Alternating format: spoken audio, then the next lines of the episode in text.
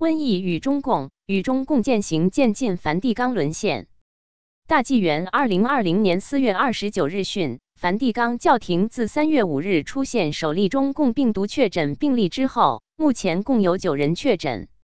为什么小小的梵蒂冈会在肺炎疫情中沦陷？下面我们一起来看看这些年来梵蒂冈是如何与中共越走越近的。梵蒂冈常住人口约八百三十人。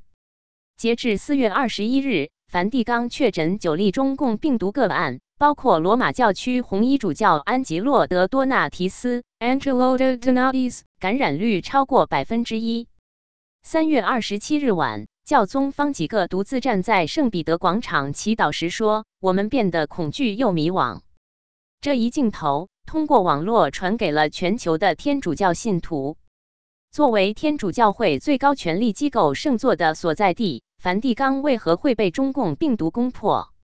旅美时事评论员田园表示，历史上古罗马发生大瘟疫时，受到罗马帝国迫害的基督教徒在瘟疫中却很少染病，大部分染病者都是罗马帝国中不信仰基督教的人。而今天的梵蒂冈却被中共病毒攻陷，和当时形成鲜明对比。旅美食是评论员田园表现的为什么会这么不同？我个人认为，梵蒂冈和中共的交易和苟合造成了区别的最大原因。从一九五八年的武汉自选自胜事件，梵中关系决裂六十年。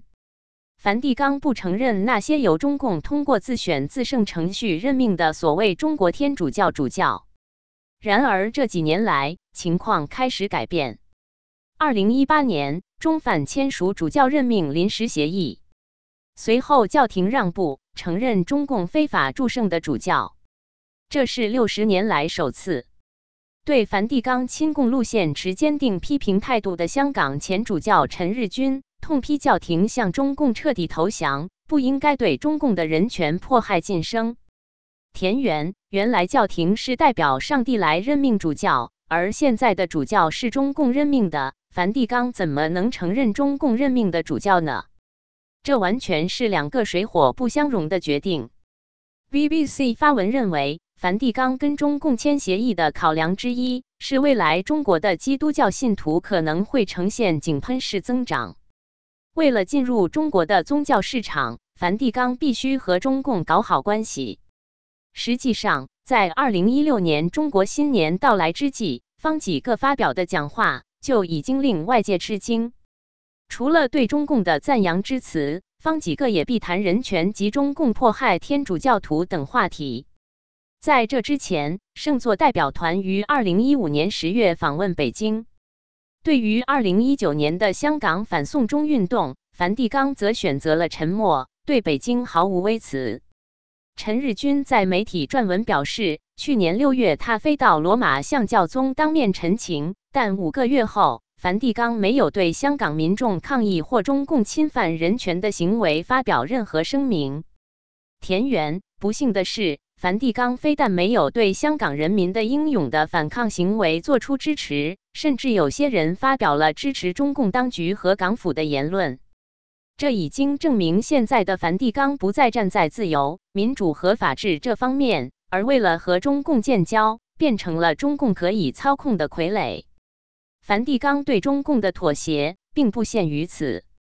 二零一七年二月，追查迫害法轮功国际组织给罗马教皇公开发信，指出梵蒂冈宗座科学院 （Pontifical Academy of Sciences） 即将举办的反对器官贩卖峰会，邀请严重涉嫌参与中国活摘器官的黄杰夫和王海波医生作为嘉宾发言，是为中共活摘罪行洗白。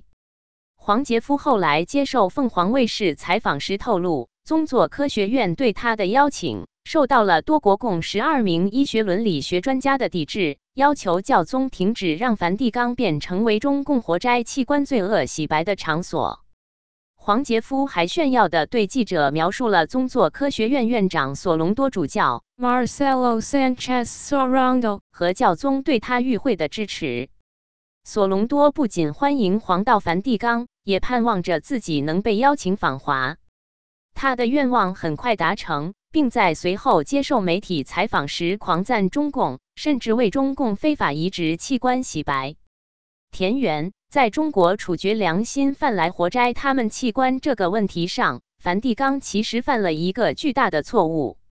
出于这些原因，这就是为什么在公元前后的大瘟疫中，基督教徒大多幸存，而在目前的中共瘟疫中，梵蒂冈却沦陷了的这样一个强烈对比的根本原因。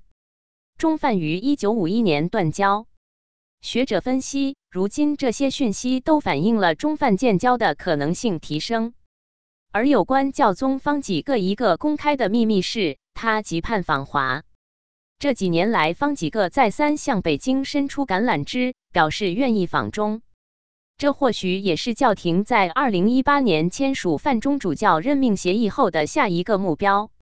二零一四年八月。方几个飞越中国领空时，还曾向随行媒体表示，梵蒂冈对中共随时敞开接触大门，如果可以，明天就出发。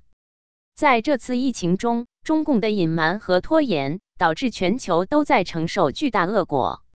然而，教宗方几个却公开称赞中共为遏制中共肺炎付出巨大努力。梵蒂冈外长加拉格尔大主教。Archbishop Paul Gallagher 二月份在德国慕尼黑还与中共外长王毅会面。责任编辑：叶子薇。